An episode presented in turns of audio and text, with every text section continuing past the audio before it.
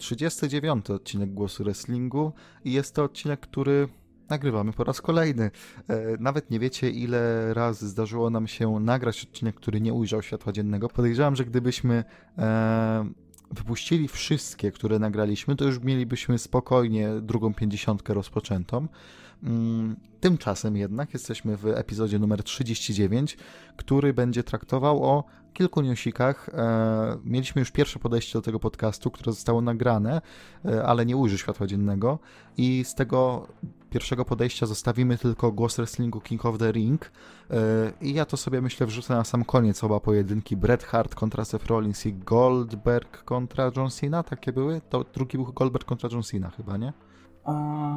Chyba tak. Więc e, na sam koniec podcastu jeszcze się z wami nie, de facto nie pożegnamy, tylko przeniesiemy się do, do nas z przeszłości, gdzie ocenialiśmy sobie, kto był lepszy, Rollins czy Bret Hart i Goldberg czy e, Sina. Tak, mieliśmy w tym pierwszym podejściu jakieś 10 newsów, czy może trochę mniej, tak omówionych doszczętnie, tak tu lecimy, tu, tu, tu, tu, tu turniej o Cruiserweight Title, tutaj Goldberg, który nie chciał się podłożyć Bray Wyattowi, tutaj coś jeszcze, tu coś jeszcze, tu tamto, tu tamto, a teraz bardzo tak w skondensowanej formie omówimy sobie trzy newsy, myślę 3-4 które powiedzmy już są teraz nie dość rozbudowane, powiedzmy, że mamy dużo materiałów na ten temat, to jeszcze e, jest to dość ciekawe i po prostu ważne w tym momencie. Dlatego porozmawiamy sobie o tym, kto jest hakerem e, WWE i myślę, że o tym fanowskim koncie też chwilkę porozmawiamy.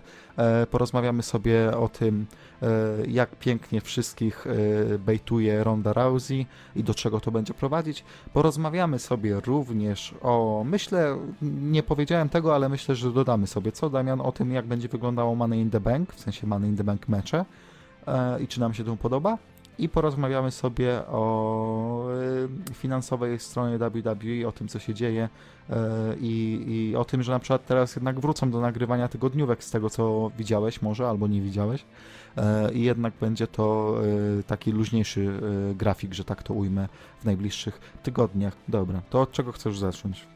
Dam ci tę możliwość wybrania tematu jako pierwszego. O kurde, kurde. Ja zazwyczaj lubię zaczynać e, cokolwiek robię od tych najtrudniejszych rzeczy i tych, które najmniej lubię. No więc zacznijmy od Ronda Rousey. A myślałem, że od hakera będziesz chciał zacząć. Nie, wydaje mi się, że to powinniśmy zostawić na koniec. To jest taka wisienka na torcie. E, w tym pierwszym podcaście, którego nie usłyszycie, to jest fraza, którą dość często wypowiadamy w tym podcaście. E, gadaliśmy sobie o tym, mm, czy to jest work, czy nie work, czy jeżeli to jest work, to czy nie poszli za daleko. E, wtedy moja mm, perspektywa była taka, że zapewne work, ale moim zdaniem to jest tak, że Ronda poszła po prostu z tym za bardzo ale wtedy jeszcze nie wiedzieliśmy tego, co się wydarzyło na Raw, czyli nie wiedzieliśmy o tym, że WWE jakby publicznie na Raw jakby odniesie się do tego, co Ronda tam sobie działa na Twitterze, e, bo podczas wywiadu przed walką Shayna Baszler została zapytana o komentarz e, na temat wpisów Rondy. Nie powiedziano specjalnie, jakie to są wpisy, tylko no, co sądzisz o tym, co robi Ronda Rousey. Baszler oczywiście nic nie powiedziała, po prostu wyszła na ring. Jak myślisz, do czego to będzie prowadziło? Najpierw od tego zacznijmy, a potem e, do szczegółów, że tak to ujmę. Wydaje mi się, że to, co jest najbardziej prawdopodobne, to powrót Rondy jako heel. To wydaje mi się więcej jako pew niż pewne. E, przy naszym pierwszym podejściu mówiłem już, że według mnie to jest work i zwykłe budowanie gruntu pod jej powrót. I wydaje mi się, że w obecnej sytuacji Baszler straci najbardziej na powrocie rondy, ponieważ e, Shayna spokojnie mogłaby odzyskać tytuł od Becky, ale w aktualnej sytuacji będą chcieli pójść w kierunku Ronda kontra Becky, czyli rewanż, no częściowo za WrestleMania. No i wydaje mi się, że mogą z tym pójść na WrestleMania, a Baszler zostanie odsunięta na bok mogą również zbierać to w Bejrze, ale w takim kierunku, że e, Ronda zmierzy się z Becky, będą walczyły na SummerSlam, ale tuż za rogiem będzie z walizką Baszler. E, wiesz co? Nie wydaje mi się. Wydaje mi się, że jest inna faworytka tego Money in the Bank meczu e, i bym strzelał w Saszę Banks, bo tam ma to więcej sensu.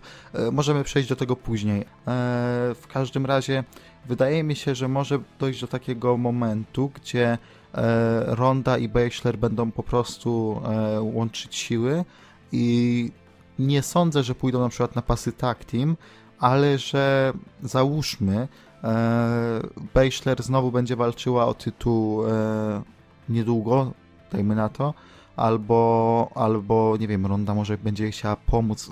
W każdym razie na pewno te drogi ich się skrzyżują w pewnym momencie. Ja obstawiam, że doprowadzi to do walki na SummerSlam Becky kontra Ronda. Um, Ewentualnie możemy iść w kierunku Four Horsewomen kontra Four Horsewomen, ale tutaj status y, Duke i Shafir jest taki niepewny. Plus w dodatku, tak jak mówię, y, feud Bailey Sasha jest już tuż za rogiem, y, więc raczej Becky kontra Ronda jest bardziej logiczne. Niemniej, teraz do szczegółu przejdźmy. Moim zdaniem to jest ja nie chcę, ja nie chcę narzekać jakoś bardzo, bo przynajmniej coś się dzieje, ale pewnych rzeczy nie powinno się poruszać na rzecz worku slash budowania postaci, powrotu, promocji, czegokolwiek, bo to jest trochę przegięcie, bo a, jeżeli zawodniczka UFC, w sensie była zawodniczka UFC, ale jednak w takim mainstreamowym rozumieniu była zawodniczka UFC, była mistrzyni UFC, e, udziela ci wywiadu i mówi, no fajnie było w tym WWE, fajne te choreografie były, bardzo mi się fajnie podobało, ale to nie jest prawdziwa walka, to co prawda próbują być realistyczni, ale gdyby walczyli 300 e, razy naprawdę w roku, to, to by nie żyli. E, to jest to policzek w twarz i mimo tego, że Lana miała e, słabe korepetycje z matematyki najwidoczniej, to jednocześnie jest trochę racji w tym, co napisała, że gdyby to było na niby, to tacy ludzie jak e, Page czy Tyson Kidd mogliby walczyć do teraz. E, wydaje mi się, że to tylko zbuduje jeszcze większy hit na zapleczu wśród kobiet jakby względem rondy, bo Wygląda na to, że po prostu jest ona traktowana na specjalnych zasadach.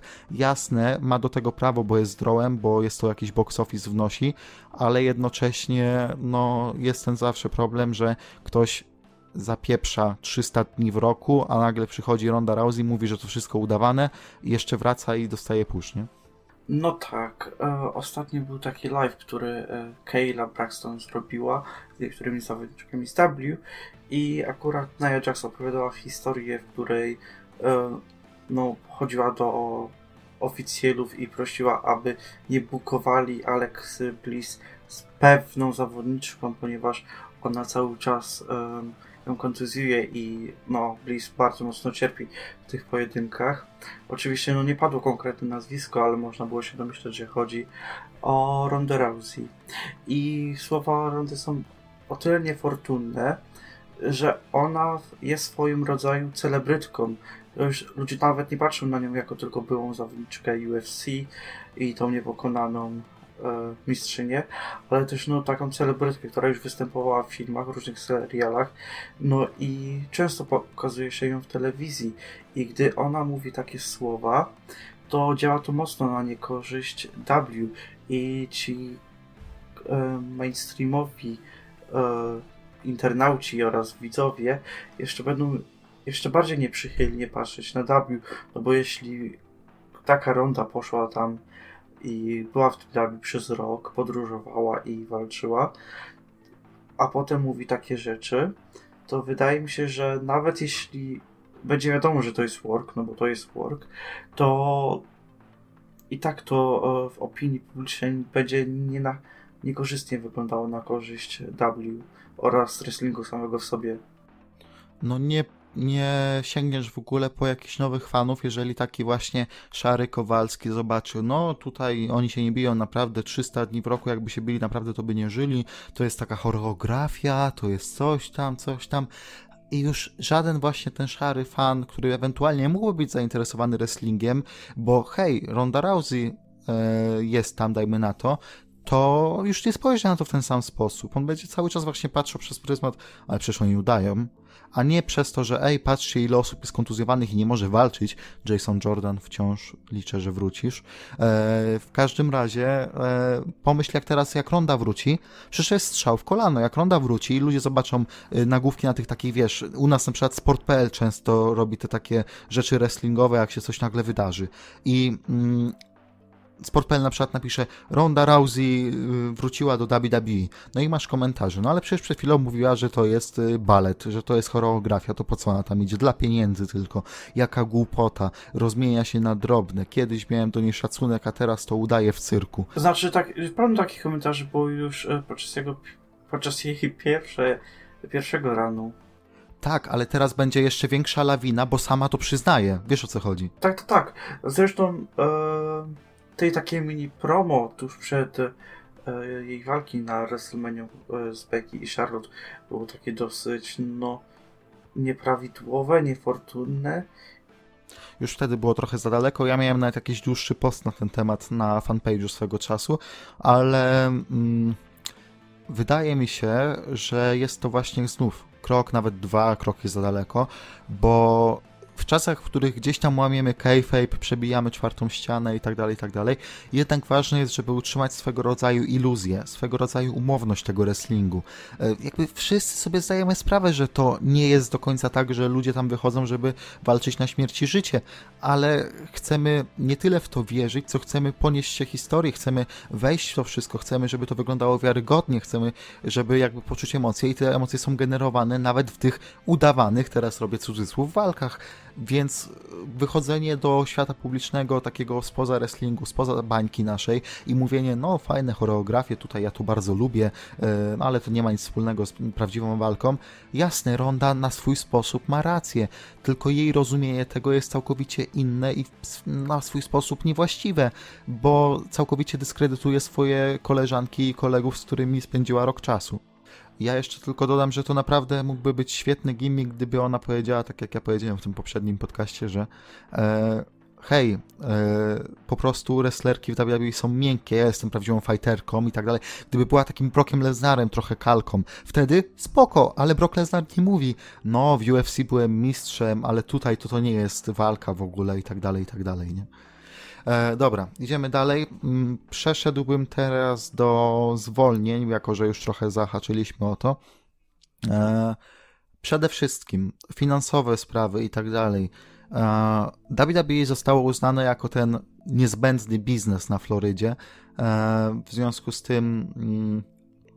Mm, ogólnie z tego, co czytaliśmy, tak, to y, wszystkie fetki wrestlingowe, które mają zasięg na, national, tak, są, są y, pod to y, wzięte.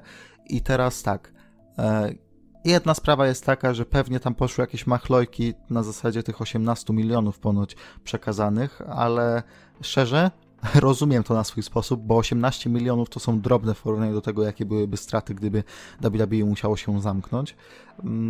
Idąc dalej, tak naprawdę WWE, ja może nie jestem ekonomistą, ale WWE ma de facto nieprzerwaną działalność. W sensie oni cały czas robią gale, cały czas dostają pieniądze z telewizji, e, wypełniają kontrakt, cały czas mają pieniądze z networka, które jednak jakieś są, e, cały czas coś generują. Jasne, nie mają e, z bramek, nie mają właśnie z, z ten, z, z, biletów, tak?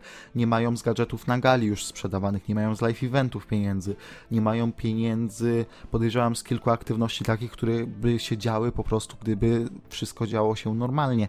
Jednak wbrew m, mm, takiej popularnej opinii, że WWE jest w tym momencie no, w słabej sytuacji, to mimo wszystko WWE jakoś bardzo tych swoich przychodów podejrzewam nie ograniczyło. Tylko, że jesteśmy jednak e, mądrzejsi o to, że XFL padło, a jak się okazuje, Vince McMahon był małym kłamcą lekko i swoim akcjonariuszom leciutko skłamkolił, mówiąc, że WWE nie ma nic wspólnego z XFL, a jednak miało. A jednak miało, e, więc nie dość, że Vince wtopił swoje pieniądze w XFL, to jeszcze wtopił pieniądze WWE. No i tu jest pies pogrzebany, to tu jest problem, nie w tym, że WWE nagle dużo mniej zarabia. Pewnie zarabia mniej, ale bez przesady podejrzewam, to nie jest jakieś 50%. Eee, I jednocześnie jeszcze jest ten temat rezerw WWE, gdzieś tam tych 500 milionów, dobrze kojarzę, e, które mieliby niby w rezerwie na czarną godzinę.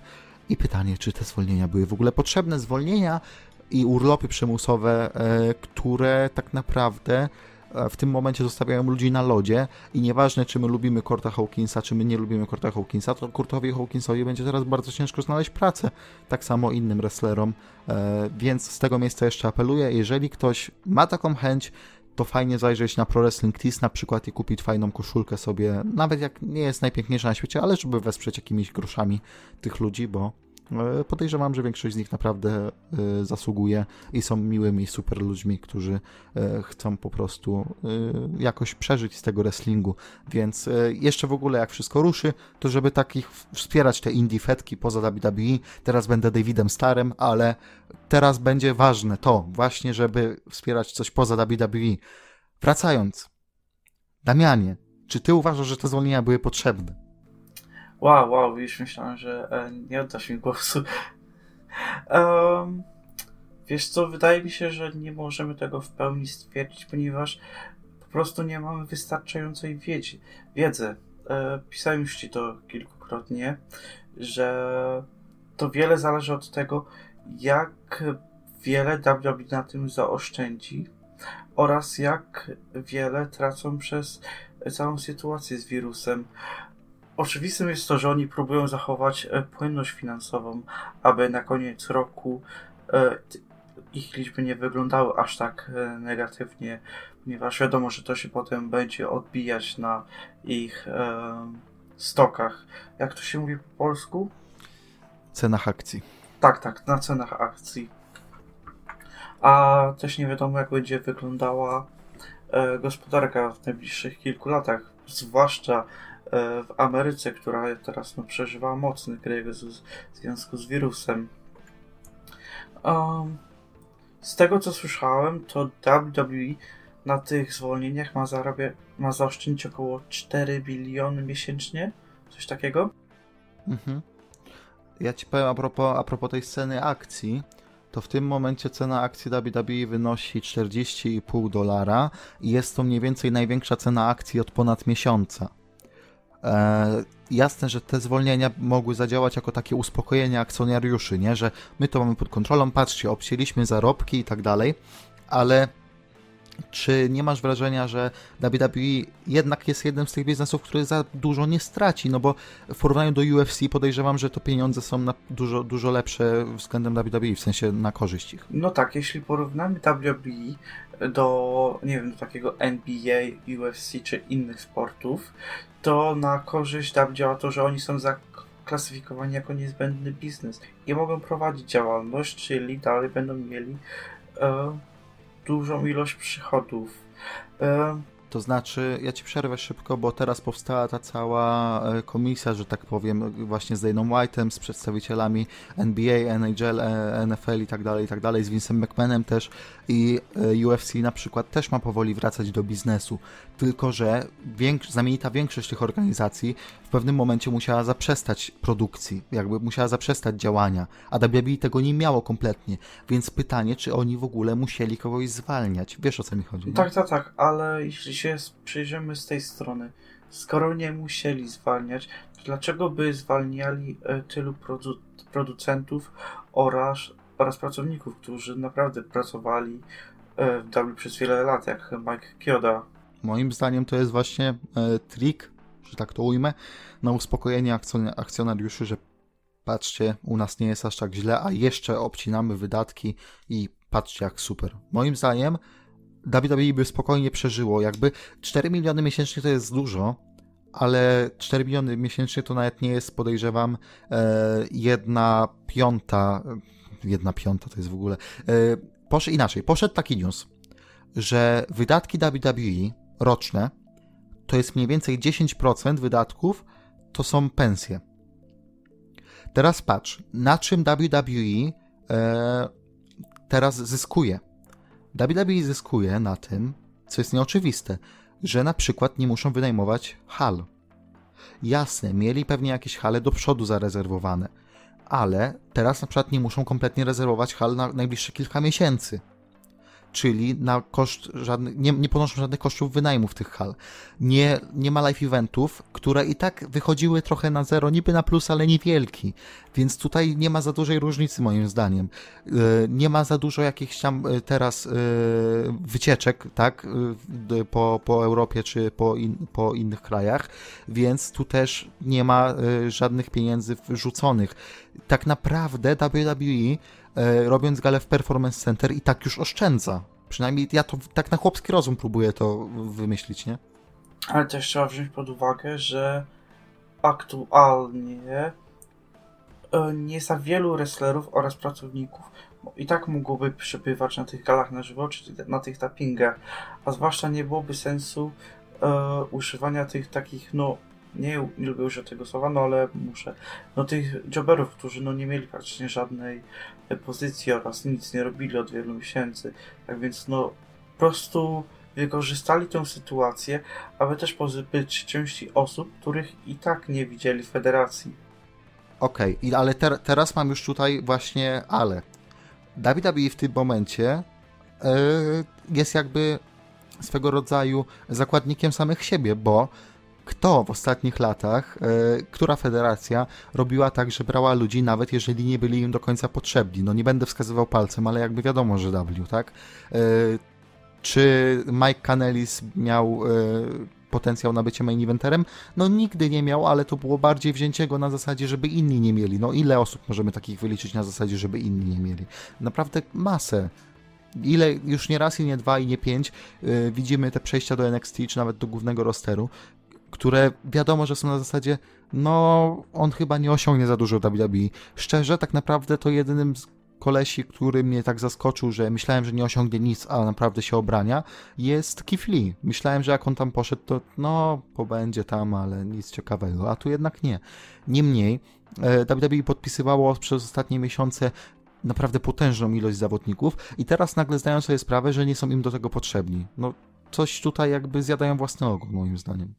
Masz rację, ale to też E, wydaje mi się, że niektóre z tych zwolnień były kompletnie takie lekko szokujące i niepotrzebne, no bo na przykład e, Gallows i Anderson, mimo że no, nie mieli jakiejś no bardzo mocnej pozycji, to i tak zawsze, gdy trzeba było, to wchodzili e, w ten title picture i mogli zawalczyć o tytuł, gdy była taka potrzeba. I nawet nawet pod nieobecność AJ'a wydaje mi się, że, że mogliby spokojnie zostać e, w W i jeszcze no, powalczyć jest 2-3 lata. E, to samo dotyczy Liorasza, który na pewno e, byłby mocnym wzmocnieniem do NXT, już kompletnie odchodząc od dywizji 205, która i tak raczej w przyszłości nie ma, a gdyby trzeba było, to po prostu dałoby się go do Raw i SmackDown, gdzie przecież już walczył niejednokrotnie tak, no wiesz co, ja z drugiej strony jednak trochę się cieszę, w sensie jest mi ich szkoda, bo są w tym momencie w takiej sytuacji, że nie mają pracy, a jednak rynek w tym momencie bardziej zwalnia niż zatrudnia, czyli będą musieli trochę siedzieć na tym bezrobociu. E, w każdej normalnej innej sytuacji bardzo szybko by znaleźli federację, a teraz nie do końca wiemy, kiedy wszystko ruszy na nowo, tak z pełną pompą. Więc z jednej strony się cieszę, bo to będzie taki kopniak, przynajmniej w niektórych przypadkach, bo nie we wszystkich Primo i Epico jakby sceny Indii nie zbawią, e, ale w niektórych przypadkach będzie to taki kopniak, który może trochę ożywić tą scenę Indii, która umarła. No powiedzmy sobie jeszcze, że umarła właśnie przez to, że WWE masowo zaczęło wykupywać e, ludzi, Jasne, nikt nie, przy, nie przyłożył im pistoletu do głowy i nie powiedział podpisujcie, albo nie wiem, nie żyjecie, ale e, wiadomo jak, jak to jest, że raczej wolisz zarobić niż, niż e, plątać się po e, indysach. Ale wiesz właśnie, o to chodzi, że, że oni już e, woleli ubezpieczyć się na życie, podpisują kontrakt z W, e, na przykład, żeby w takich momentach jak te mieć jednak to źródło zarobku i nie być zmartwionym, jak przeżyje się następny miesiąc. E, więc miejmy nadzieję, że wszyscy będą uśmiechnięci przez najbliższe tygodnie. E, mam nadzieję, że jakimś ludziom też wpadnie troszkę pieniędzy z merchu i tak dalej. E, Dobra, to teraz tak, z tych, co zostali zwolnieni, na kogo czekasz najbardziej? W sensie, na kogo czekasz w jakiej federacji najbardziej, gdzie byś kogo widział? Tak, nie mówię o wszystkich, ale z tych pewnie większych nazwisk, Rusev, Gallows, Anderson, Leo Rush, właśnie, Revival. Revival. Z Revival możemy też uwzględnić, bo jednak poszli trochę wcześniej, nie? Ale te, też możemy do tej grupki zaliczyć. Mm, na pewno Revival i prawdopodobnie no będą w AW. Ojejku, musiałbym Ogólnie jestem ciekaw, co będzie tego e, z takim Riderem, ponieważ no, to jest taki dosyć ciekawy przypadek. Uwzględniłbym go nawet w takiej kategorii ala Cody, czyli taki no czasem midcard, ale głównie no nic większego e, pod koniec przygody z W. Odchodzi, no może nie tyle co w podobnych okolicznościach, ale koleś z podobnym potencjałem do Cody'ego, czyli no nikt nie był materiałem na main eventera, ale moc może mógłby się zakręcić koło mocnego midcardu. E, po tym wpisie Cody'ego wydaje mi się, że to jest oczywiste, że też dołączy e, do All Elite Wrestling. I też zostaje kwestia Rusewa. Ja bym, ja bym Rusewa zobaczył w New Japan, szczerze, naprawdę. Również bym zobaczył go w New Japan. Jego styl walki na pewno e, byłby tam mile widziany, aczkolwiek bardzo dawno nie widziałem takiej walki Rusewa, gdzie powiedziałbym wow. Pamiętam jak na początku e, swojej kariery w głównym rosterze miał taki dosyć specyficzny styl, gdzie e, większość pojedynku głównie e, skupiał się na obijaniu części ciała e, swoją nogą i mocnymi kickami. I wydaje mi się, że tym na pewno by się wpasował w realia Japan, które no aktualnie może z tych największych federacji na świecie może najmniej ucierpieć z tego względu, że raz, że właściciele New Japan udali się e, z właścicielami pozostałych federacji e, z Japonii i dali się do rządu Japonii z prośbą o to, aby e, rząd Japonii płacił wypłaty wrestlerom, którzy no, są zakontraktowani na full time no a poza tym już powoli, wiadomo, że sytuacja w Japonii jeszcze nie jest jakoś ogarnięta, ale powoli już niektóre efektki wstają z kolan, w sensie wracają do życia, e, chociaż tam było tak, że było niby opanowane, było przez chwilę luźniej, a teraz znowu jest zaostrzone, więc trochę sinusoida, ale miejmy nadzieję, że w Japonii to się unormuje na tyle, żeby ten biznes ruszył w miarę szybko. Podejrzewam, że jednak New Japan szybciej wstanie z kolan, jeżeli chodzi o galę z publicznością nawet, niż e, Stany Zjednoczone, więc tutaj szukajmy jakiejś nadziei. E, ja czekam, mówię, na Rusewa w New Japan, czekam na Revival w Elite Wrestling, bo tam dywizja tak teamowa, co by nie mówić o Elite Wrestling, dywizja tak teamowa tam jest faktycznie traktowana z szacunkiem, tak naprawdę, w sensie nie po łebkach jak w W, tylko tam naprawdę tak teamy mają e, coś do powiedzenia, jeżeli chodzi o show. Mm, I jeszcze tak sobie myślę, żebym z chęcią zobaczył EC3 w Impactie. Niech sobie wróci do Impactu. A naprawdę? Ciekawicie to, co będzie z Easy Free? Nie, no niech wróci sobie. Znaczy, Easy Free, tak szczerze, no to nie jest może jakiś wybitny wrestler, taki, że top topów, ale mimo wszystko ma takie. Wygląda po prostu wyglądem, charyzmą, ma coś, co daje mu prawo do ustawiania się w main eventach takich właśnie federacji jak Impact, no po prostu. Abym sobie z chęcią zobaczył tam w tym momencie, jak tam w Impakcie trochę się pozmieniało, jakby tam wrócił i, i może coś fajnego porobił. A właśnie, co ciekawe, e, ostatnio był news, że ROH podobno e, wciąż płaci e, pełne wypłaty swoim zawodnikom, co jest w sumie dosyć interesujące, biorąc pod uwagę, no, że ROH no, od dłuższego czasu ma problemy z wyprzedawaniem gal no ale oni mają, oni mają mimo wszystko dość bogatych właścicieli, więc, więc tutaj nie ma za bardzo problemu. Silna ROH by się nam przydało, ale jeszcze do tego długa droga. Może Michael Bennett wróci, czyli Canelis wróci do ROH i sobie z Tavenem powalczą, bo Taven w czasie, gdy y, Canelis sobie poszedł z ROH, to nawet niezłą karierę w tym ROH zrobił. Więc może się okaże, że Taven jest ojcem dziecka Marii. W każdym razie mm, idziemy dalej, co? Mm, o czym jeszcze nie? O, Money in the Bank. Money in the Bank. E, jak Ci się podoba to, że będziemy e, latać po schodach w górę? Nie mogę się doczekać. Ale tak serio, czy ironicznie? Jestem naprawdę zaciekawiony. Wydaje mi się, że to jest naprawdę dobre wyjście, ponieważ w tej sytuacji to jest coś, co może przyciągnąć widzów, którzy no, na co dzień nie oglądają W. Naprawdę mogą zaciekawić sporą ilość osób tym, jak to spróbują rozegrać. Już od samego początku e, promowali Monday Park jako takie dosyć e, nietypowe wydanie e, Gali Review. I no, no, no czekam, co tu, tu więcej powiedzieć. Najbardziej ciekawi mnie to, jak to naprawdę będzie wyglądało oraz czy to będzie nagrywane w taki sposób trochę jak e, walka Takera z AJ'em oraz Champa kontra Gargano, czy to będzie takie no dosyć takim no e, WWE-owskim wydaniu, tak ująć. Słuchaj, my z chłopakami w Radio Gol e, zrobiliśmy taką teorię na szybko. E, nie bez przyczyny Triple H e, się tam przewinął na tym SmackDown ostatnio i Michael Cole wspomniał, że e, Triple H nigdy nie wygrał Money in the Bank meczu wyobraź sobie, no przecież będziemy w WWE Headquarters, że ci ludzie tam nie będą wiedzieli, gdzie są schody, jak dojść na dach, cokolwiek, nie? Tam w ogóle ktoś na Facebooku widziałem, jeszcze wmieszał w to Artrufa, że wszyscy będą biegać do góry, a on nagle zbiegnie na dół, bo wiesz, ten znowu motyw z tym, że on robi inaczej. E, a, na przykład Triple H mógł mieć biuro gdzieś wysoko w miarę, ja przecież sobie wjechać windą do góry, a oni by tam się bili na schodach czy cokolwiek. Szczerze mówiąc, cały czas jest to dla mnie wielka niewiadoma, nie wiem jak to będzie wyglądało, ale jest to coś na tyle oryginalnego i nowego, że czekam. Nie wiem jak, jakie będę miał mm, odczucia po, ale jest to moim zdaniem oryginalne na tyle, żeby na przykład ludzi zaciekawić do obejrzenia, co już jest niezłą podstawą, no bo no fajnie byłby zwykły ladder match w Performance Center, to, to już widzieliśmy na WrestleMania, tak?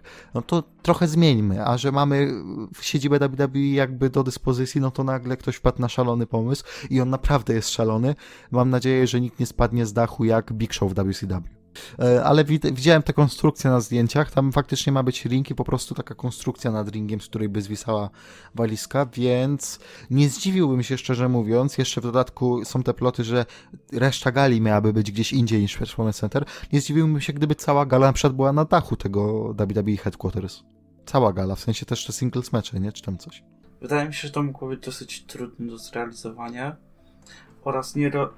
E, rozumiem, że Money Bank Matche chcieliby nagrać no, e, w ich head office, aczkolwiek nie rozumiem dlaczego też pozostałe walki nie mieliby e, tam nagrać, skoro mają do użytku Performance Center, który no mimo wszystko e, już ma, ma tam cały sprzęt i wszystko jest gotowe. Żeby była różnorodność. I tak już będą mieli tam sprzęt, jak już go wzięli i nagrali to Money in the Bank mecze. No nie wiem, w każdym razie w ogóle Money in the Bank ma być trochę dziwną formułę, bo ma być trochę live, trochę już, y, te Money in the Bank w ogóle są już nagrane z tego, co poszły newsy, więc czekać tylko na spoilery, kto jest panem Money in the Bank i panią Money in the Bank, ale e, już widzieliśmy przed, przed WM-ką, że tych spoilerów nie było za bardzo, nie?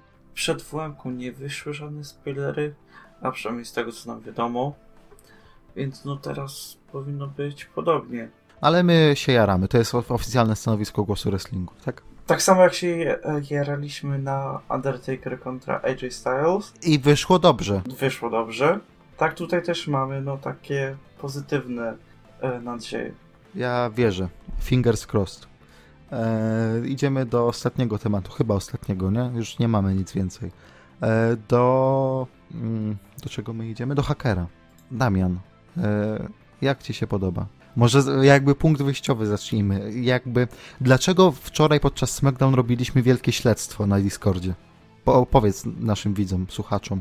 Wszystko zaczęło się od tego, gdy WWE pokazało e, kolejne promo od hakera, który e, skupił się na tak teamach i powiedział w tym promie, że należy trzymać przyjaciół blisko, ale swoich wrogów najbliżej, co może być nawiązaniem do tego, że no jeden z tak teamów może się rozpaść. Tam pokazano e, tak team e, Banks i Bailey, Alexa Bliss i Nikki Cross, New Day oraz Misa i Morrisona. Ogółem gimmick tego hakera bardziej polega na tym, że on wyjawia prawdę, takie rzeczy, no, których jeszcze nie wiemy, ale które są no, powoli teasowane. Coś jak w przypadku e, Sony Deville, Dolpha Ziglera oraz Mandy i Otisa. I wydaje mi się, że haker może też nawiązać w rywalizacji e, Bailey z Sasha Banks. Ale teraz już odchodząc lekko od tego, co pokazywało nam W, przechodząc bardziej w kierunku do tego, co odkryliśmy sami. No, odkryliśmy takiego Twittera o nazwie The Unknown WWE, e, gdzie ktoś wrzucał e, proma, które były zdecydowanie inne od tego, co pokazywało nam W. I ja bym tylko dodał, że były też przemieszane z tymi prawdziwymi z W i sądziliśmy na początku, że to jest oficjalny Twitter tego hakera WWE. Tak, ale potem znaleźliśmy e, konto na YouTubie, które e, nazywa się I am Anonymous WWE, który również ma Twittera i potem się okazało, że ten pierwszy Twitter, którego znaleźliśmy, ściąga cały content z tego kanału na YouTubie i tego Twittera. I na tym drugim koncie na Twitterze, które jest powiązane z tym koncie na YouTubie, jest dużo więcej kontentu. I tam również są promo od tego hakera, aczkolwiek one mają kompletnie inną e, stylizację oraz kompletnie inaczej są e, zbudowane. Ogółem w tych promach są poruszane takie kwestie jak Benoit, CM Punk, różne afery, które były w W. Afera z Page, y, ostatnia akcja z XFL i tymi pieniężnymi wtopami. Oraz AEW. E, I zanim pomyślicie sobie, hej, czy to jest jakieś story niesamowite, bo my też tak przez chwilę zastanawialiśmy się, skąd to, jak to, po co to, do czego to zmierza. Przede wszystkim pewne założenie w, w tych filmach jest takie, że przez najbliższe 5 tygodni ten haker, teraz będę go nazywał hakerem, tak, jako ten, ale ta osoba, ten, ten youtuber, ta persona tajemnicza, ta grupa osób, bo też to jest stylizowane w ten sposób, e, ma wyjawiać sekrety WWE e, przez najbliższe tygodnie i bodajże na 26 czerwca, dobrze myślę, e, gdzieś na czerwiec, tak, na 26 czerwca ma wyjawić, ma zmienić kulturę, tak? E, czyli cytat CM Punka. Bardzo jest teasowane, ale to bardzo jest teasowane, że to miałby być CM Punk. I na to się w pierwszym takim odruchu naprawdę można nabrać. To znaczy, to jest naprawdę bardzo dobrze zrobione i tego w ogóle nie mogę za, zabrać y, autorom. Jednakże szkoda, że jest to fanowskie, y, a moje mm, jakieś wątpliwości o tego, że może to jest taki jakiś bait, jakiś, jakieś takie bardzo, bardzo, bardzo zagłębione story WWE, y, rozwiało to, że w pewnym momencie ten Anonymous na Twitterze zrobił sobie Q&A, że ludzie zadawali mu pytania, a on tym swoim takim zmodulowanym głosem w krótkich filmikach odpowiadał na te pytania. Jednocześnie jednak, zakładając, że to jest właśnie fanowskie konto, które e, załóżmy, że ma jakieś informacje, załóżmy tak, to ja w takim razie czekam na to, jak to się rozwiąże, e, bo nawet nie, nie będąc częścią programu WWE, e, korzysta z tego, że ten haker jest teraz na SmackDown i jakby pod to się podpina, jednocześnie ponoć jakieś informacje posiadając, więc tam może być jakiś twist, a może być to po prostu zwykła zabawa na, i na tej zabawie się skończy. Bo powiedzmy sobie szczerze, jeszcze tylko ostatnie zdanie, powiedzmy sobie szczerze, e, nic nowego na razie przed nami nie odkrył. W sensie nie było nic takiego, że wow, o, o wszystkim wiedzieliśmy w tych filmach. No tak, poruszyłeś bardzo ciekawą kwestię, ponieważ no na 99,9% to nie jest e, Hacker W, ponieważ no to są kompletnie dwie inne persony i inne rodzaje prom. Tutaj koleś, czy no, grupa ewidentnie się skupia na tym, aby odkryć te sekrety W, że oni ich, no, e, nie, może, no, praktycznie zniszczą. I oni skupiają na tych najbardziej kontrowersyjnych takich topikach, a widać, że ta wersja hackera od W to jest taka bardziej e. O, tak bym to, to jest takie idealne słowo, aby określić tego hakera z W i to najbardziej ich odróżnia. I jeśli to też byłoby W, to wydaje mi się, że no po prostu inaczej by to rozegrali. To samo fanowskie konto. Um, no, jeśli to nie jest W, to w takim wypadku kto to jest? No, jest to jakaś grupa osób, no ale kim tak naprawdę oni są? Jaką oni posiadają wiedzę? Co oni odkryli? Czy może po prostu bawią z fanami i co mogą nam zaoferować. I to też najciekawsze jest to, że oni wystartowali z tym no, chwilę po tym, co e, po tych pierwszych promach tego hakera. I czy oni nagle wpadli na ten e, pomysł, że hej, patrzcie, WWE będzie korzystać, wymyśliło gimmick hakera, to może my udawajmy, że to my jesteśmy też tym hakerem, tylko róbmy to na ten nasz własny sposób. Czy no, oni już planowali coś takiego od dłuższego czasu i po prostu wykorzystali tę sytuację. Mhm. E, no mówię, moje wątpliwości budzi tylko to, że tak naprawdę jeszcze nic nowego nie odkryli, nie? W sensie, może to jest na razie tak, żeby tylko, patrzcie, jesteśmy tu, e, ale z drugiej strony wydaje mi się, że skończy się to tylko na szumie, że no patrzcie, haha, tutaj coś, coś, coś i nic się nie wydarzy, ale z drugiej strony jaki to ma potencjał w ogóle jakie te filmiki są świetne, jaki one mają klimat. Ale właśnie, wiesz, najstraszniejsze jest to, że one są zrobione w taki sposób, że gdyby W wypuściło e, takie promo, no to nie zauważylibyśmy żadnej różnicy w jakości Mhm, tak, jak najbardziej. E, ja nawet e, opisując to promo Krzyśkowi, który wtedy jeszcze go nie widział, powiedziałem, że to było taki crossover e, tych pierwszych zapowiedzi Wyatta, tam w sensie mm, Finda, kiedy tam Mercy the Bazar wyskakiwał z pudełka z It Begins Jericho 2012. I to jest świetnie zrobione, tylko że no właśnie ta cała mistyczność pęka w tych momentach, gdzie na przykład nagle na dwie sekundy jest puszczony e, team song Benoit i padają słowa Do I have your attention now? No, mm, nie? Tam jest bardzo forsowane, że patrzcie CM Punk. No tak. I nawet w tych e, kilku sekundach rozpoczynających każde wideo jest te, są te flagi Chicago płonące, co też jest ewidentne nawiązanie do CM Punka. No ale to wydaje mi się, że to jest ich ten sposób, aby prostu przyciągnąć ludzi do tego. Ale też jest, pozostaje kolejne pytanie. Czy jeżeli ludzie ich zauważą i przyciągną uwagę ludzi, to co potem? Czy oni będą mieli coś ciekawszego do zaoferowania, gdy już będą mieli e, oczy skierowane na nich, czy po prostu no, e, dalej będą robić to samo i nic większego z tego nie wyjdzie? To znaczy, na razie z tego co widzę, to ludzie traktują to jako taką fajną zabawę, że o, fajnie, ktoś tam sobie porobił rzeczy, ale z drugiej strony, co jeśli za tym coś jednak stoi, nie? E, może, może sobie za dużo dopisuję, ale chciałbym może jednak, żeby za tym coś stało. E, Niemniej, jak już sobie wyjaśniliśmy tą fanowską sprawę hakera, ja do tego kanału pewnie link zamieszczę w opisie, sobie możecie ogarnąć te kilka filmików, ale no nie jest na pewno work WWE, no bo, bo tam jest poruszona afera z Page, tam jest e, poruszony Chris Benoit, no, za dużo tych niewygodnych tematów. Jeżeli WWE by to robiło, to robiłoby pewnie na podobnej kanwie, ale w ogóle tej puli tematów by nie ruszało. Eee, to teraz idziemy do prawdziwego hakera, tego na SmackDown. Eee, twój typ na razie kto to jest? Ogółem to jestem bardzo zawiedziony tym, e, że pokazali kolor skóry tego hakera, ponieważ gdyby nie to, to byłbym w stanie uwierzyć, że to był Xavier Woods. Wiem, że to typ praktycznie z dupy, ale wydaje mi się, że coś takiego bardzo by do niego pasowało.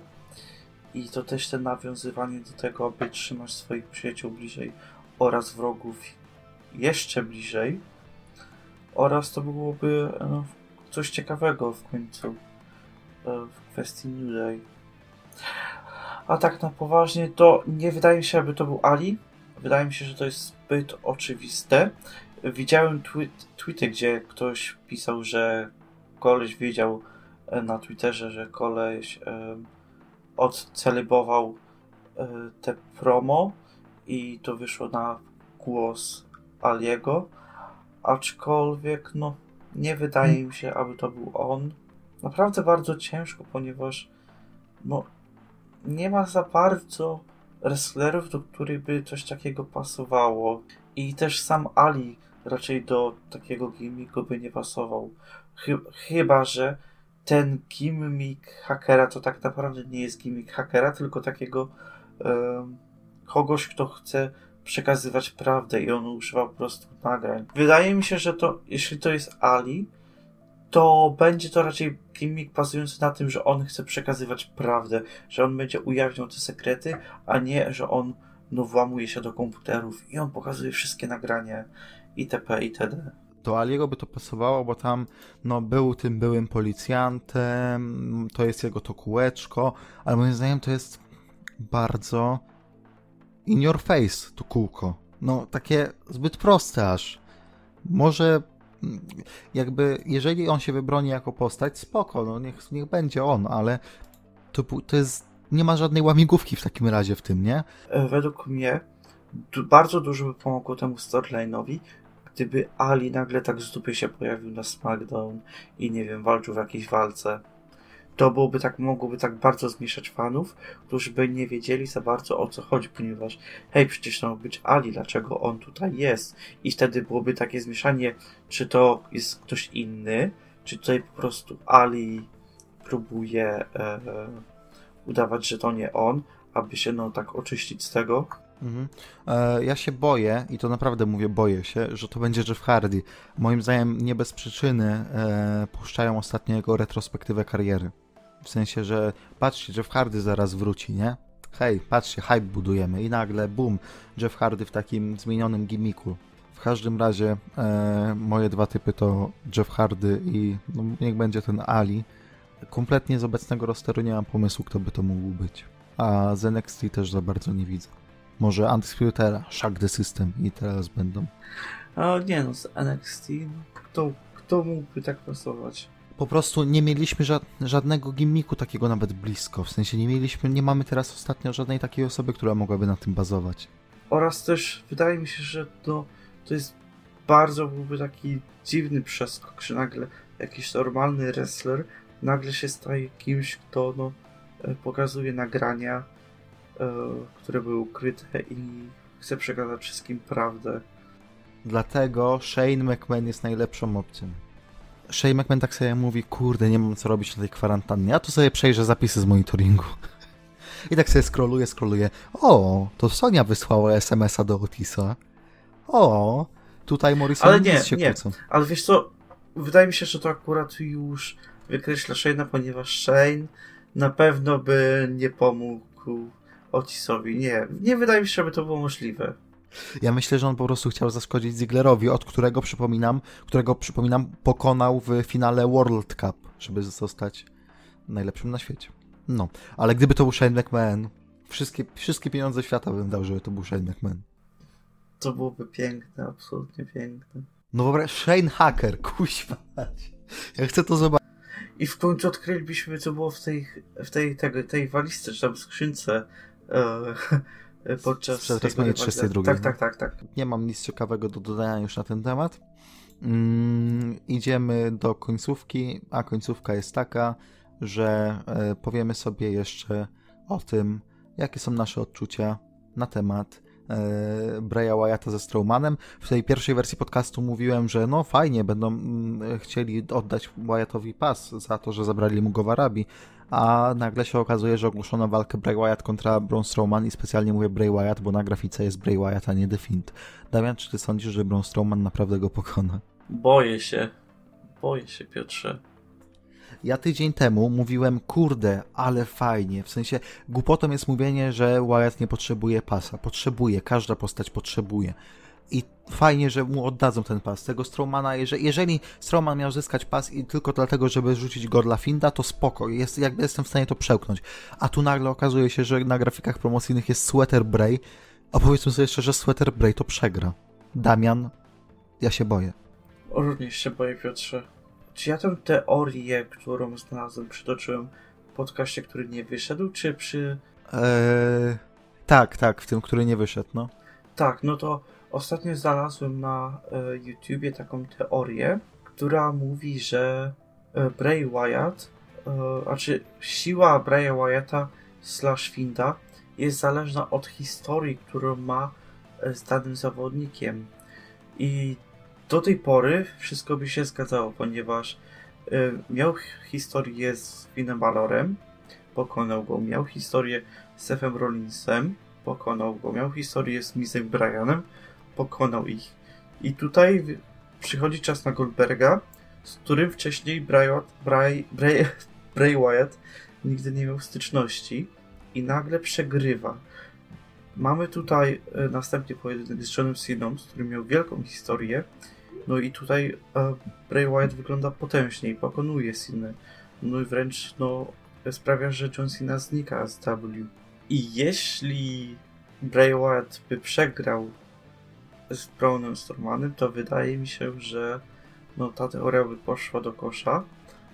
A jeśli by wygrał, to wydaje mi się, że to już byłoby całkiem coś prawdopodobnego i być może ta teoria jest prawidłowa, aczkolwiek tylko w głowie Wyatta, ponieważ WWE może sobie uznać, a nie, teraz czas by Bray przegrał i cała teoria by poszła do kosza.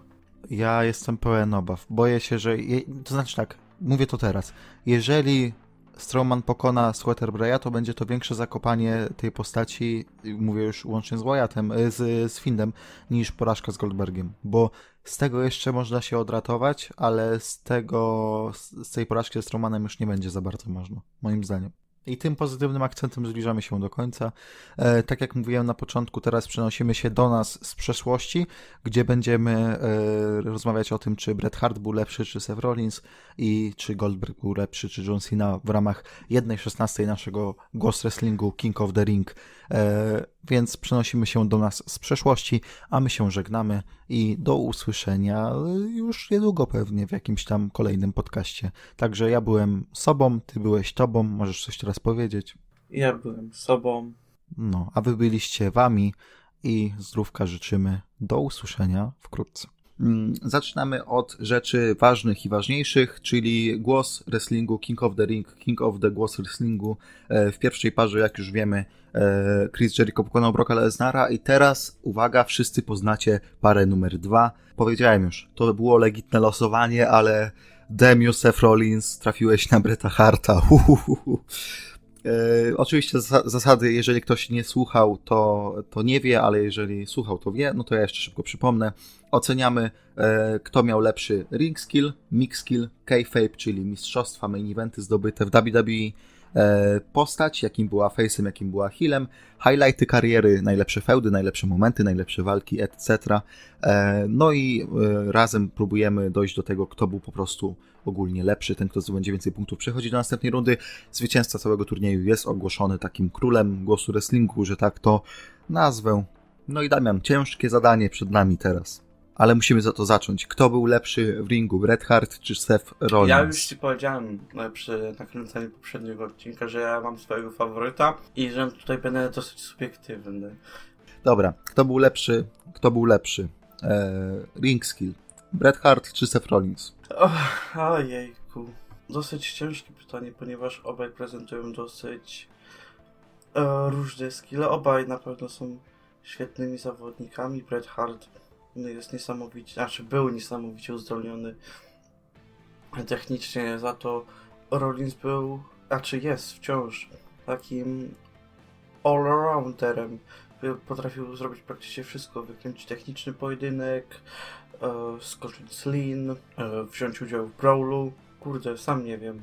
To ja ci ułatwię zadanie. Przypominam, że jeżeli ja powiem na przykład Seth Rollins, a ty powiesz Bret Hart, to wtedy punkt nie idzie do nikogo. E, ja głosuję w tym przypadku na e, Breta Harta z dwóch powodów. Bret Hart miał nieco trudniej, jeżeli chodzi o partnerów do współpracy, bo wrestling był troszkę inny w tamtych czasach w WWE. To raz. A dwa, jednak musimy patrzeć też na Sefa Rollinsa pod względem tego, że czasami kontuzjował rywali. Ja rozumiem, że nie zawsze to była jego wina, ale walka ze Stingiem, walka z Balorem to jednak są kontuzje jego oponentów. E, no i dlatego też moim zdaniem ta szala idzie na, na, na korzyść Breta. No to w porządku, w takim razie postawmy na Breta Harta. Punkt dla Breta Harta. E, oczywiście też ja bym mógł dodać, że moim zdaniem na przykład nieco, lep, nieco więcej walk takich faktycznie klasyków Hart miał z Michaelsem, z Austinem, e, z Owenem Hartem. Naprawdę, no jeżeli policzylibyśmy klasyki, to też... Na Wembley. Tak, jeżeli policzylibyśmy takie klasyki, konkretne ring, ring skillowe, no to Hart ma ich znacznie więcej, więc no tym bardziej punkt dla niego. 1-0, idziemy mixkill i tutaj... Tutaj zdecydowanie Rollins. Wydaje mi się, że tutaj nawet nie ma czego porównywać. Bret Hart był nudny jak flaki z olejem na mikrofonie. Naprawdę ciężko... Nie oglądałem aż tak wiele jego prom, ale za każdym razem, gdzie się go słuchało, to zbierało mnie na wymioty. Był on nie miał kompletnie żadnej osobowości, był nudny jak flaki z olejem, prawdopodobnie powiem to jeszcze kilka razy, ale zasługuje na to, ponieważ najciekawsze momenty za mikrofonem, jakie miał, były w WCW, co wydaje mi się wiele świadczy o, o tym, jak się prezentował za mikrofonem. Dziękuję bardzo.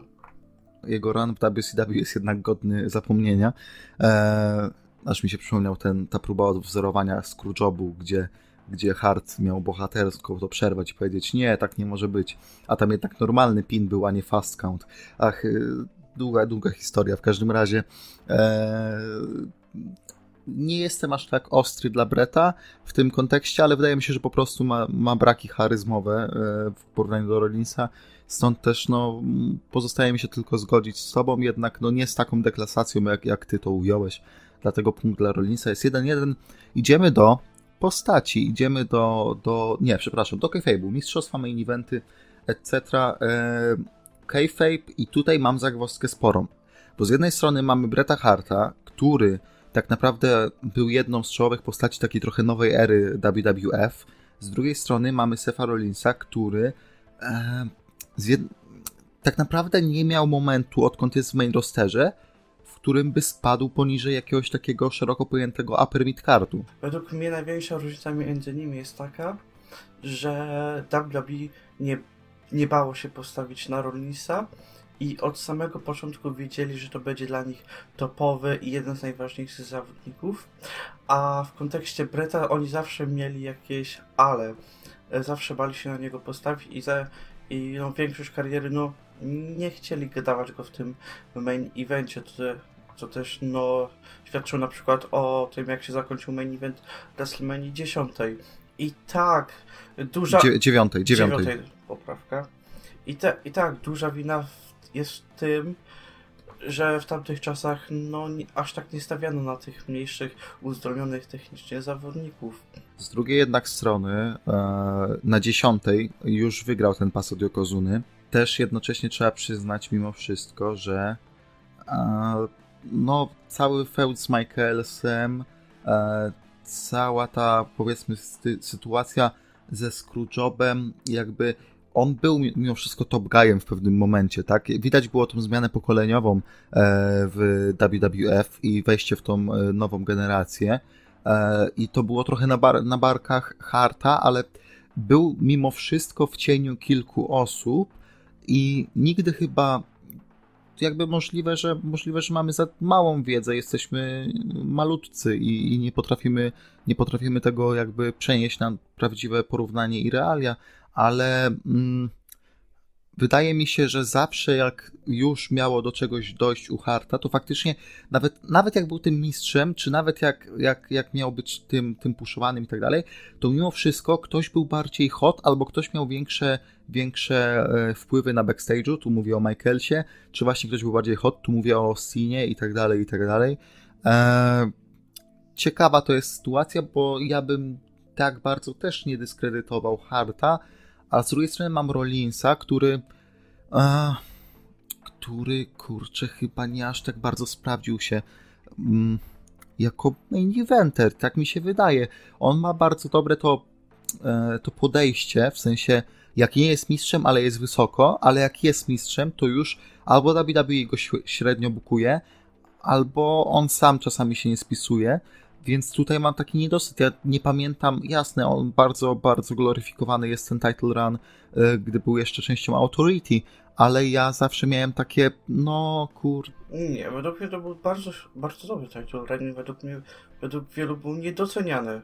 Nie, a właśnie moim zdaniem jest bardzo doceniany. Moim zdaniem jest bardzo doceniane. Nie, jeżeli, nie, jeżeli ktoś sobie przypomina run Rollinsa y, z pasem WWE, tam Authority i tak dalej, to ludzie mówią, ej, zajebisty, a moim zdaniem trochę jednak wy- było tam co, to cipohilowania wygląda- i takiego za dużo, no. E, Według mnie to, to po prostu to wyglądało tak, że e, na samym początku, podczas tego title runu było wiele narzekania, to jeszcze pamiętam podczas, no gdy ja już to od początku mi się bardzo podobał i teraz się jakoś specjalnie wychwalam i dopiero w momencie, gdy e, ludzie zaczęli tęsknić za tym healowym e, Rollinsem, zaczęli go gloryfikować jego title reign. Naprawdę to jest bardzo ciężko i ja bym tutaj dał remis bez takiego no, wskazywania na któregokolwiek. Też z tego względu, że no e, Rollins jest dopiero gdzieś nawet nie w połowie swojej kariery i prawdopodobnie osiągnie jeszcze więcej. Ja daję Harta. W tej kategorii daję Bret'a Harta. Więc albo dasz Rollinsa i będzie remis, albo się wstrzymasz i będzie Ile Bret razy Hart. tytuł W trzymał Rollins? Bo widzę, że Bret Hart trzymał 5. E, Dwa razy Universal, e, dwa razy chyba W, tak mi się wydaje. No mimo wszystko Bret Hart trzymał tytuł IC dwa razy, tytuł W5. No to oficjalnie mój głos leci na Breta. No to punkt dla Breta jest 2 do 1. E, idziemy dalej. Idziemy do postaci. Idziemy do tego, jakim była face'em, jakim była healem. E, I mój głos pójdzie znowu na Breta Harta. Za samą jedną rzecz. Za double turn e, na WrestleMania przeciwko, przeciwko e, Stone Coldowi. Ja wiem, że można by było to policzyć do, e, do, do highlightów kariery, ale mimo wszystko liczę to tutaj, no bo to jest jakby bardzo taki charakter walk w trakcie tej walki i, bardzo, bardzo to było kluczowe, a jednocześnie jako face był popularny w miarę i, i odgrywał tą swoją postać dość dobrze. Mój głos leci na Rollinsa. E, Wydaje mi się, że Rollins dużo lepiej potrafi się odnaleźć w obu rolach. Wydaje mi się, że jako heel był naprawdę bardzo fajnym tak zwanym cipo healem i tak wiem, wiele osób może się nie zgodzić, ale jak cipo heal może być dobra, ale według mnie Rollins naprawdę wykonywał swoją robotę świetnie i wykorzystał ten czas e, w bardzo dobry sposób, gdzie dostał okazję do wypromowania swojej postaci, ponieważ to, to był jego pierwszy run jako singlowy zawodnik. Jako face, no, miał te up and, downy. Na pewno mi zapadło w pamięci to, e, jak się wykreował po tym e, Gauntlet matchu, to chyba było dwa lata temu. No i wtedy naprawdę wyglądał fenomenalnie, po czym dostał e, bardzo, bardzo dobry title reign z tytułem IC. Naprawdę świetnie wyglądał jako face, a potem no wiele błędów bookingowych sprawiło, że już się nie oglądało go tak przyjemnie jako face'a.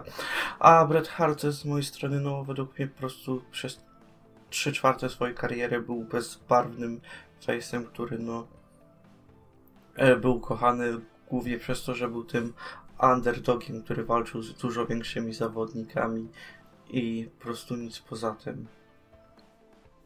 No to tu mamy remis, dla nikogo punkt nie idzie. No i teraz pytanie. Highlighty kariery to jest ta druga najtrudniejsza kategoria dla mnie. Z jednej strony mamy Montreal Scrooge'ów, który jako highlight kariery trzeba pisać. Yy, double turn z Austinem. Yy, wygrana na 10 z Yokozuną. Yy, na 9. jak Ten highlight kariery trochę naciągany, ale jednak mimo wszystko. Jest jeszcze kilka walk, no właśnie o British Bulldog, tak jak wspomniałeś, takich, które no są na jego korzyść w tej, kategorii, a z drugiej strony mamy Rollinsa, Kashin na WMC, Dwukrotne pokonanie Lesnara w trakcie jednego roku. tak. E, oczywiście musimy przemilczeć, że bardzo szybko stracił ten pas, e, żeby go odzyskać. E, w każdym razie wydaje mi się mimo wszystko, że takich ikonicznych momentów, naprawdę ikonicznych, więcej jest po stronie Harta. Z całym, z całym, z całym szacunkiem, z całym szacunkiem do Kashinu na WMC, ale mimo wszystko. No niestety musimy się zgodzić. Niest... Może, może gdybyśmy robili ten ranking 5, a 3, no te, no te nasze zawody 5 lat później, to Rollins miałby dużo większe szanse. No aczkolwiek no, robimy je teraz, dlatego no też oddaję głos na Breta.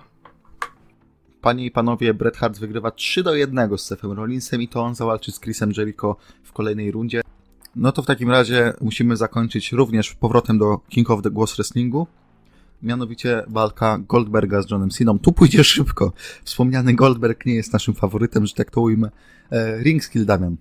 No, tutaj wydaje mi się, że bez, bezwzględnego, e, bezwzględnej analizy. Nie, no. Goldberg, Goldberg ma, Goldberg ma błąd, błąd WWE, co robili na początku jego przygody Goldberga, w sensie po, po inwazji, e, to było właśnie dawanie Goldbergowi tam kilkunastominutowych walk. To było tragiczne, absolutnie. E, trochę lepiej już to wygląda po tym powrocie ostatnim, ale, ale wciąż niedobrze. O Boże, ta walka z Takerem mi się przypomniała teraz. John Cena wygrywa. E, Mix kill. No, wydaje mi się, że tutaj też Go- Goldberg wygrywa. Nie, John Cena 2-0. Nie, naprawdę nawet nie ma co omawiać tutaj. John Cena 2-0. Kayfabe, mistrzostwa, main eventy.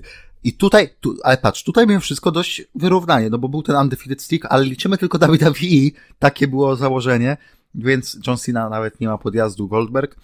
E, Postać John Cena, e, co prawda mam tu napisane w postaci, jakim była face'em, healem. Cena za długo healem nie pobył, ale, ale, ale, e, No tak, ale, był ale, lepszy ale, niż cokolwiek, czym był Goldberg. To znaczy, może Goldberga też dyskredytuje to, że, że nie mówimy o WCW, ale co byśmy mogli powiedzieć, że, że Goldberg jadł, o w highlightach kariery moglibyśmy powiedzieć, że Goldberg jadł papier. E, Postać to mamy dla Ceny 4-0 i highlighty kariery 5-0 Cena. Dziękuję bardzo, John Cena idzie dalej. Czy się zgadzamy? Zgadzamy. Ciekawy jestem, czy, ciekawy jestem, czy jeszcze gdzieś będzie 5-0. No to co, to by było na tyle. E, przypomnijmy tylko, że w naszym głos wrestlingu King of the Ring e, Chris Jericho pokonał Brocka Lesnara 3-2, Bret Hart Seth Rollinsa 3-1, Go- Cena pokonał Goldberga 5-0 i Cena zawalczy, słuchu, to będzie para, Cena zawalczy ze zwycięzcą pary Undertaker kontra Eddie Guerrero, ale to już sobie weźmiemy pod lupę w następnym podcaście. Do usłyszenia. Ja byłem Show, to był Damian, Damian To byłem ja. I e, do usłyszenia. Myjcie rączki, miejcie się zdrowo. E, mam nadzieję, że święta były udane. Mam nadzieję, że również gardzicie śmigusem, dyngusem, jak ja na przykład. E, do usłyszenia i papatki.